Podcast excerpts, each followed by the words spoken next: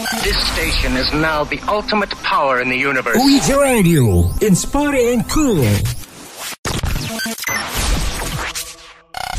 Radio UIJ, menginspirasi dan keren.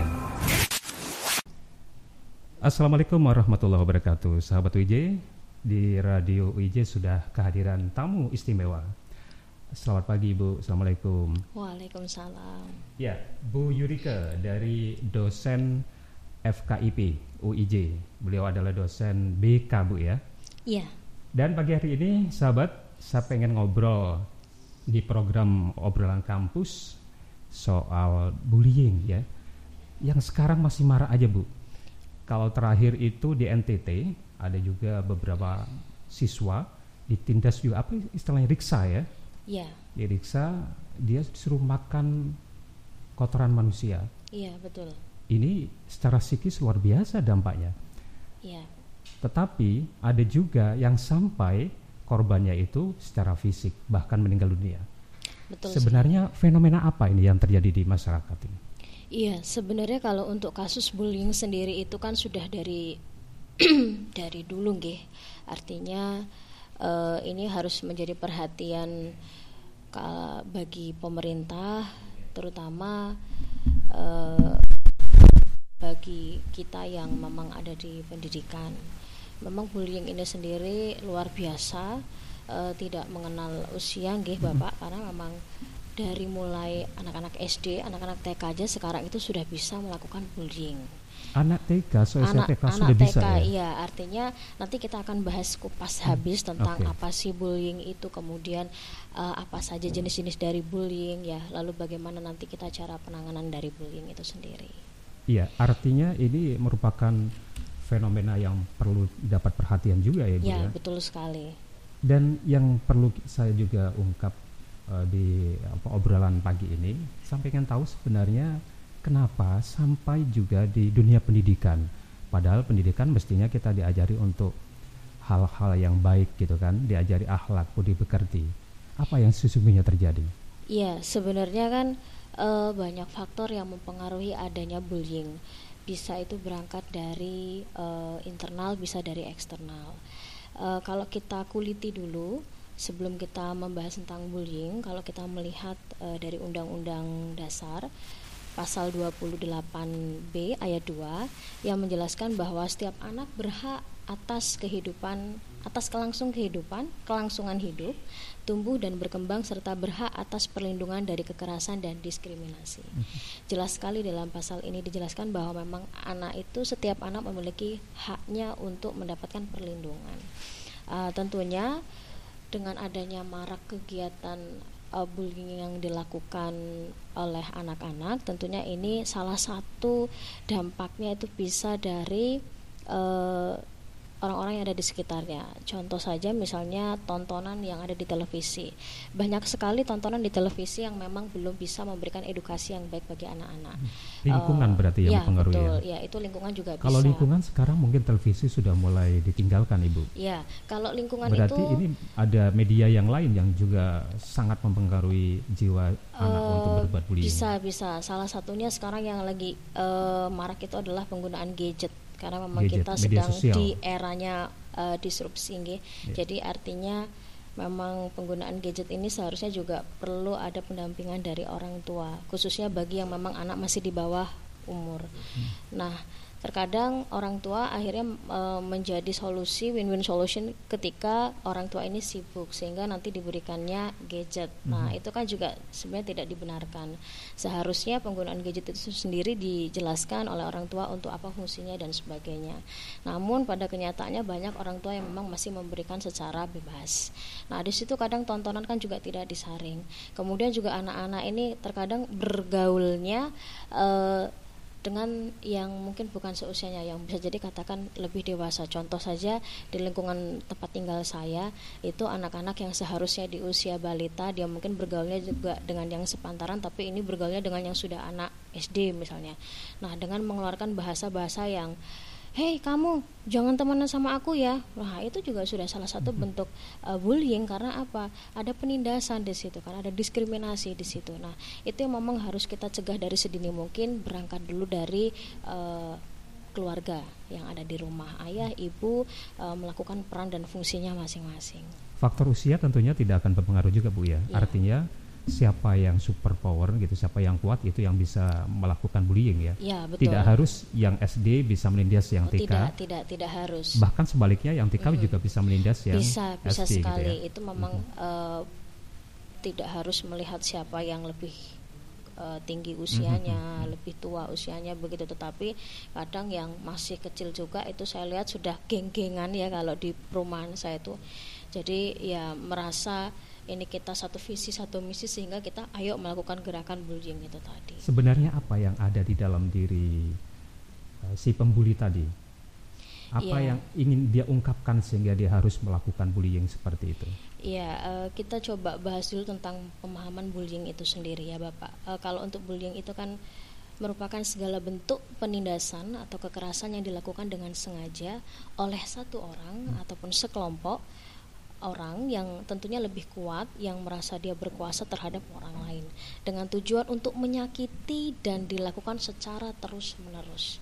Nah, artinya di situ memang e, bisa jadi karena mungkin ketidaksukaan terhadap satu orang atau satu kelompok, begitu kemudian mungkin memang dia ada merasa oh, saya berkuasa di sini sehingga saya ketika memang orang tersebut atau sekelompok tersebut tidak sejalan dengan si perilaku bully Mhm. tadi tadi akhirnya dia menindas secara terus Baik. menerus Dan itu dilakukan secara terus menerus begitu secara ya. terus menerus sehingga nanti bahkan ketika korban bully ini tadi sudah ditindas secara terus menerus bisa di suatu saat nanti dia bahkan menjadi orang yang melakukan hal yang sama membuli orang lagi karena ada trauma di situ yang tidak dituntaskan Yang korbannya. ya korban ini tadi sebenarnya orang yang membuli itu bisa jadi dulunya dia korban bapak Mhm. Ah, kemudian dia mungkin merasa saya dulu tertindas, saya dulu tidak punya kuasa apa-apa, saya dulu tidak bisa melawan.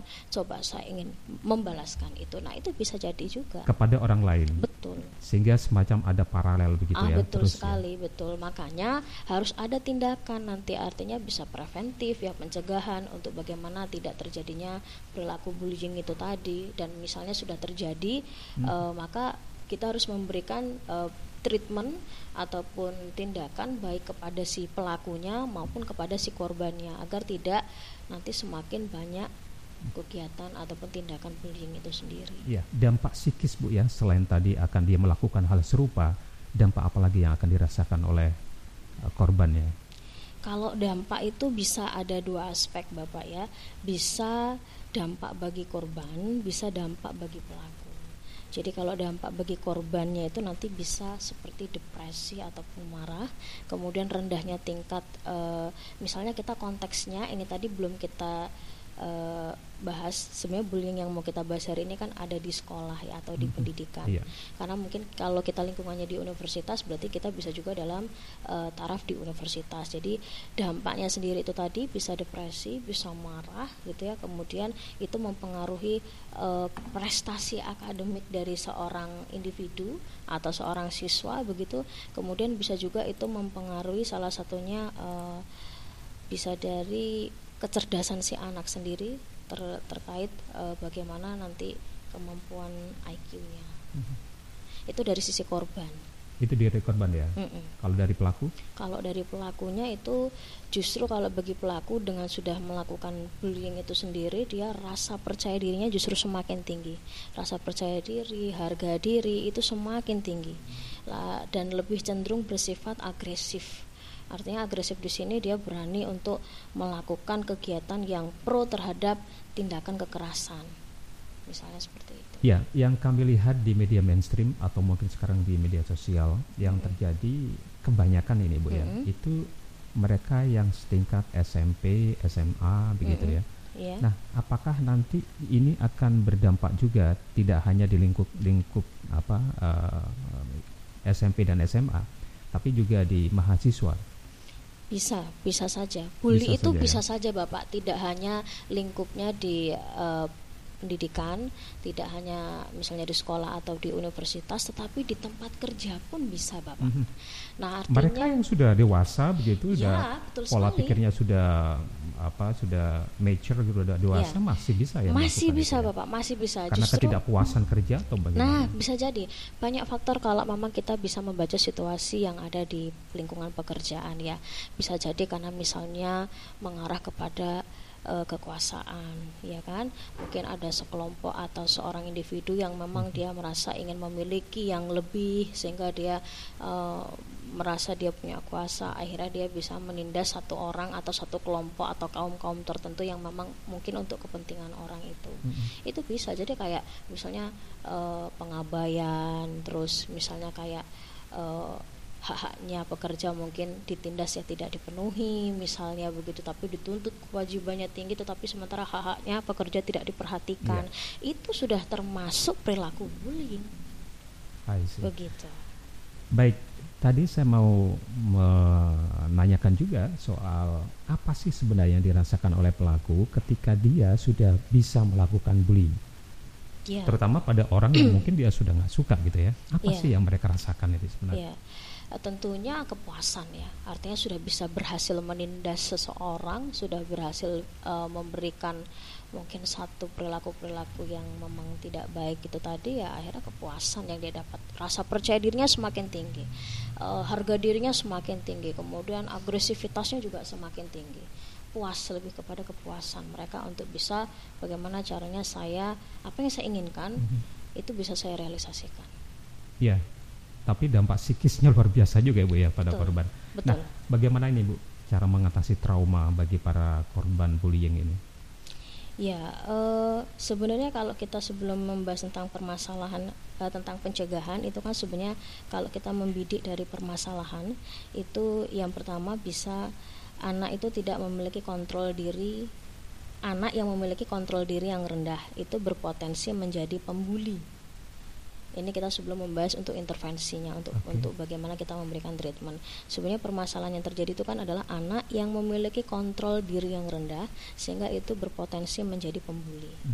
Boleh dispesifikan lagi bu, apa yang dimaksud dengan kontrol yang rendah? Ya, kontrol diri itu kan artinya bagaimana dia mencoba untuk bisa me- me- memberikan stimulus kepada dirinya bahwa oh ini yang tidak baik, oh ini yang baik. Kemudian kontrol diri ini juga berpengaruh dari lingkungan keluarga. Artinya keluarga itu bisa memberikan rasa nyaman, rasa aman, rasa perlindungan, rasa kasih sayang sehingga peran orang tua, fungsinya orang tua itu tadi ayah dan ibu juga bisa berjalan sebagaimana mestinya sehingga orang tua selalu bisa membekali diharapkan kamu harus bisa misalnya eh, bertingkah laku yang baik Itu bisa dilakukan baik. bagi anak-anak yang usia dini juga, Oh. dari anak TK.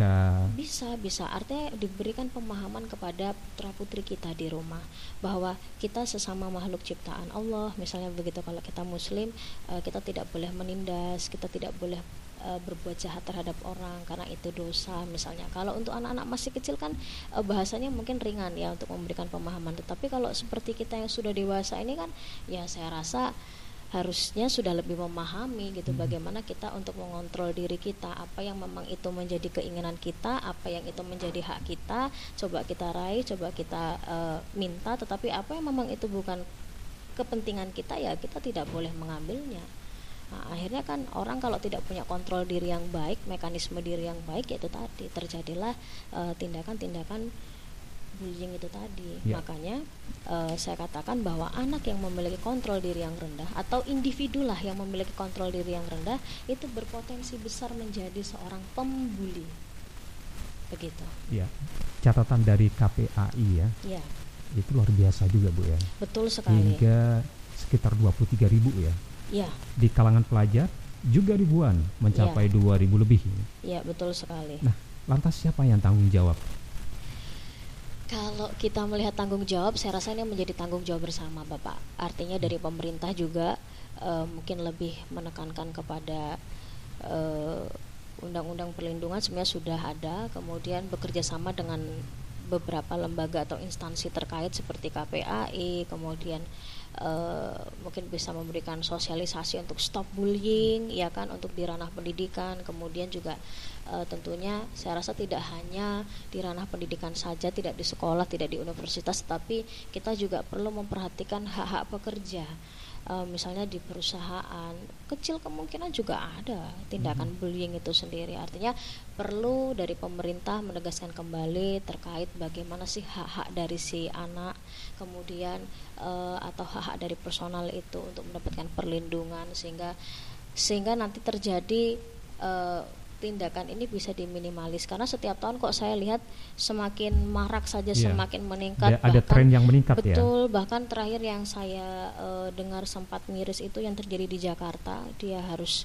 melompat dari yeah. lantai 4 itu kalau tidak salah dan itu kan berarti luar biasa dan iya. orang-orang yang ada di sekitarnya, terutama orang tua itu harus memperhatikan juga kira-kira bagaimana sih anak yang mendapatkan perilaku bullying di rumah misalnya ketika kembali uh, di rumah menjadi murung, menjadi tidak semangat. Nah, itu juga kita sebagai orang tua, orang yang paling memang dekat dengan anak harus betul-betul memahami bagaimana kondisi dan situasi yang memang sedang dialami anak. Perlu dibangun komunikasi komunikasi. Betul, itu Jadi kalau komunikasi dari harus dibangun mulai dari orang ya, tua ya, dulu, dari rumah keluarga ya? betul, keluarga dari rumah. rumah dulu sehingga kita bisa melihat di situ, oh kenapa kok anak saya tiba-tiba pulang menjadi cenderung murung, diam, kemudian belajarnya menjadi tidak fokus. Nah, itu perlu kita kaji, ada apa? Hmm. Takutnya anak kita atau keluarga kita atau saudara kita itu menjadi salah satu korban bullying itu tadi. Nah, itu harus segera melapor. Melapor kepada siapa? Artinya kalau di sekolah ya silahkan bisa kepada uh, guru bimbingan konselingnya, guru BK-nya, ya kan. Nah nanti kira-kira di situ diberikan uh, penanganan yang bagaimana, misalnya tidak berlanjut. Dan mungkin perlu juga ya penanganan antara atau komunikasi yang terbuka mm -hmm. antara pihak sekolah dengan pihak keluarga. Betul. Jadi komunikasi ini penting. Betul. Yang nantinya juga memberikan ruang juga pada kedua Betul. pihak ya Betul. ya untuk mengetahui bagaimana sih sebenarnya perkembangan psikis dari betul. Uh, anak ya. Iya, betul kita, ya. sekali, ya. betul hmm. ya. Artinya uh, memang kalau di bimbingan konseling itu ada layanan advokasi, Bapak. Jadi hmm. layanan perlindungan untuk si siswa kalau di sekolah. Kalau di sini juga kita ada di UPT kita. Di UIJ juga ada. Iya, di UIJ juga ada hmm. di UPT ya. Artinya memang kalau UPT kita kan saat ini konsentrasinya memang masih uh, untuk melayani mahasiswa dulu. Sejauh ini masih kita karena masih baru kita bertahap, kita memang di mahasiswa dulu. E, besar kemungkinan nanti kalau memang kita progresnya sudah semakin baik, kita akan menambah ke karyawan dan dosen juga gitu. Tapi sejauh ini kita masih belajar untuk menangani masalah-masalah dari mahasiswa dulu. Dan salah satu layanannya adalah e, di konseling itu sendiri ada layanan advokasi. Jadi ada layanan perlindungan, ada pendampingan ketika e, siswa ataupun mahasiswa yang memang sedang mendapatkan salah lah itu dari konselornya sendiri nanti siap untuk mendampingi. Advokasi Ibu ya. Tapi ada persoalan juga ini ketika kita akan menuju atau berhadapan dengan konselor ya. Mm-hmm. Itu ada semacam tanggapan gitu. Wah, ini ada persoalan apa gitu. Bahkan mungkin bisa jadi ada anggapan orang yang datang untuk konseling itu dianggap maaf tanda kutip gila misalnya kayak gitu. Ada kejiwaan yang bermasalah gitu.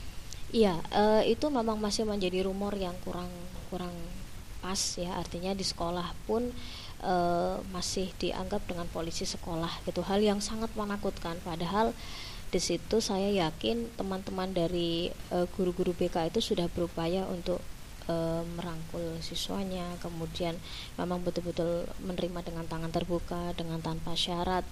Hanya saja memang dari kepala sekolah mungkin ya yang memang mempunyai peran penting yang memang bisa memberikan apa memberikan penjelasan bahwa memang BK itu bukan hal yang harus ditakuti gitu bukan momok gitu ya bukan polisi sekolah tetapi memang BK adalah sahabat siswa kalau di sini kita UPT adalah sahabatnya mahasiswa sehingga ketika memang ada masalah-masalah itu uh, boleh segera di lakukan konseling ataupun konsultasi. Di uji sendiri sudah berjalan itu bu ya? Insya Allah sudah berjalan. bagi mahasiswa. Ya, uh, memang untuk mahasiswa sendiri masih sangat masih sangat jarang saya katakan yang datang ke UPT karena sejauh ini memang harapan harapan UPT adalah adanya dosen wali itu bisa membantu uh, permasalahan yang dihadapi oleh mahasiswa yang ada di UIJ. Tentunya jika memang sudah tidak merasa mampu lagi, boleh nanti referral, artinya alih tangan kasus ke kita ke UPT. Begitu. Ya, tadi sudah keluarga sudah, kemudian pihak sekolah sudah ya. ya sekarang untuk pemerintah sendiri selain KPAI itu ada lagi mungkin ada hal-hal yang perlu ditangani oleh pemerintah untuk menangani bullying ini semakin tidak melebar dan trennya semakin turun bahkan mungkin bisa dihapus begitu. Ya, kalau tren mau dihapus itu saya rasa sulit sekali Bapak ya. Sa tapi saya yakin dari pemerintah sebenarnya kan sudah memang betul-betul uh, memberikan uh, memberikan apa ya Bapak respon yang cukup cukup baik. Artinya dari penanganan KPAI juga sudah. Kemudian uh, ketika ada masalah-masalah bullying juga dari ranah hukum juga uh, sudah mulai ditegakkan. Artinya memang kalau dia dapat e, diberikan hukuman ya maka diberikan hukuman kan begitu. Kemudian e, dari sisi psikologi juga sudah banyak pendampingan-pendampingan. Dari konselor-konselor juga sudah banyak pendampingan. Sebenarnya artinya dari pemerintah sendiri mungkin lebih e, apa ya untuk ke Indonesia sendiri harus lebih banyak menggerakkan artinya ada gerakan-gerakan yang memang untuk stop bullying itu tadi hmm. mungkin perlu itu dalam bentuk sosialisasi misalnya dan termasuk mungkin program yang sekarang juga digencarkan ya. oleh pemerintah itu ada revolusi mental ya betul sekali nah itu bisa jadi nanti dimasukkan sehingga nanti mungkin ada uh, tutor-tutor yang bisa memberikan mungkin apa sejenis uh, workshop atau pelatihan gitu ya untuk betul-betul kita bagaimana caranya kita tidak menjadi uh, pelaku sekaligus tidak menjadi korban misalnya seperti itu. Dan ketika memang di sekitar kita ada orang yang menjadi korban atau pelaku kita harus bagaimana menyikapinya. Nah itu harus segera memang ada pencegahan. Sebenarnya ini sudah harus pencegahan dari dulu-dulu ya. Cuman kan artinya mungkin saya rasa sudah tetapi memang di daerah di daerah tertentu mungkin yang masih banyak kendala artinya mungkin di daerah pedalaman dan sekitarnya itu yang mungkin uh, jangkauannya masih belum bisa dijangkau oleh pemerintah.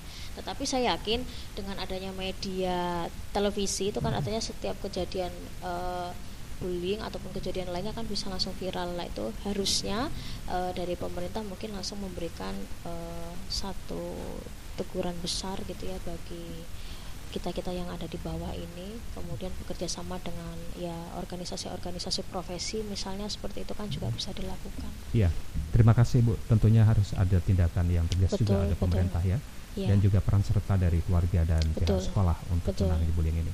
Terima kasih atas kehadiran Bu Keke. Semoga kita bisa berjumpa lagi di lain kesempatan dengan topik yang berbeda yang ya. lebih menarik tentunya. Dan saya akhiri. Wassalamualaikum warahmatullahi wabarakatuh.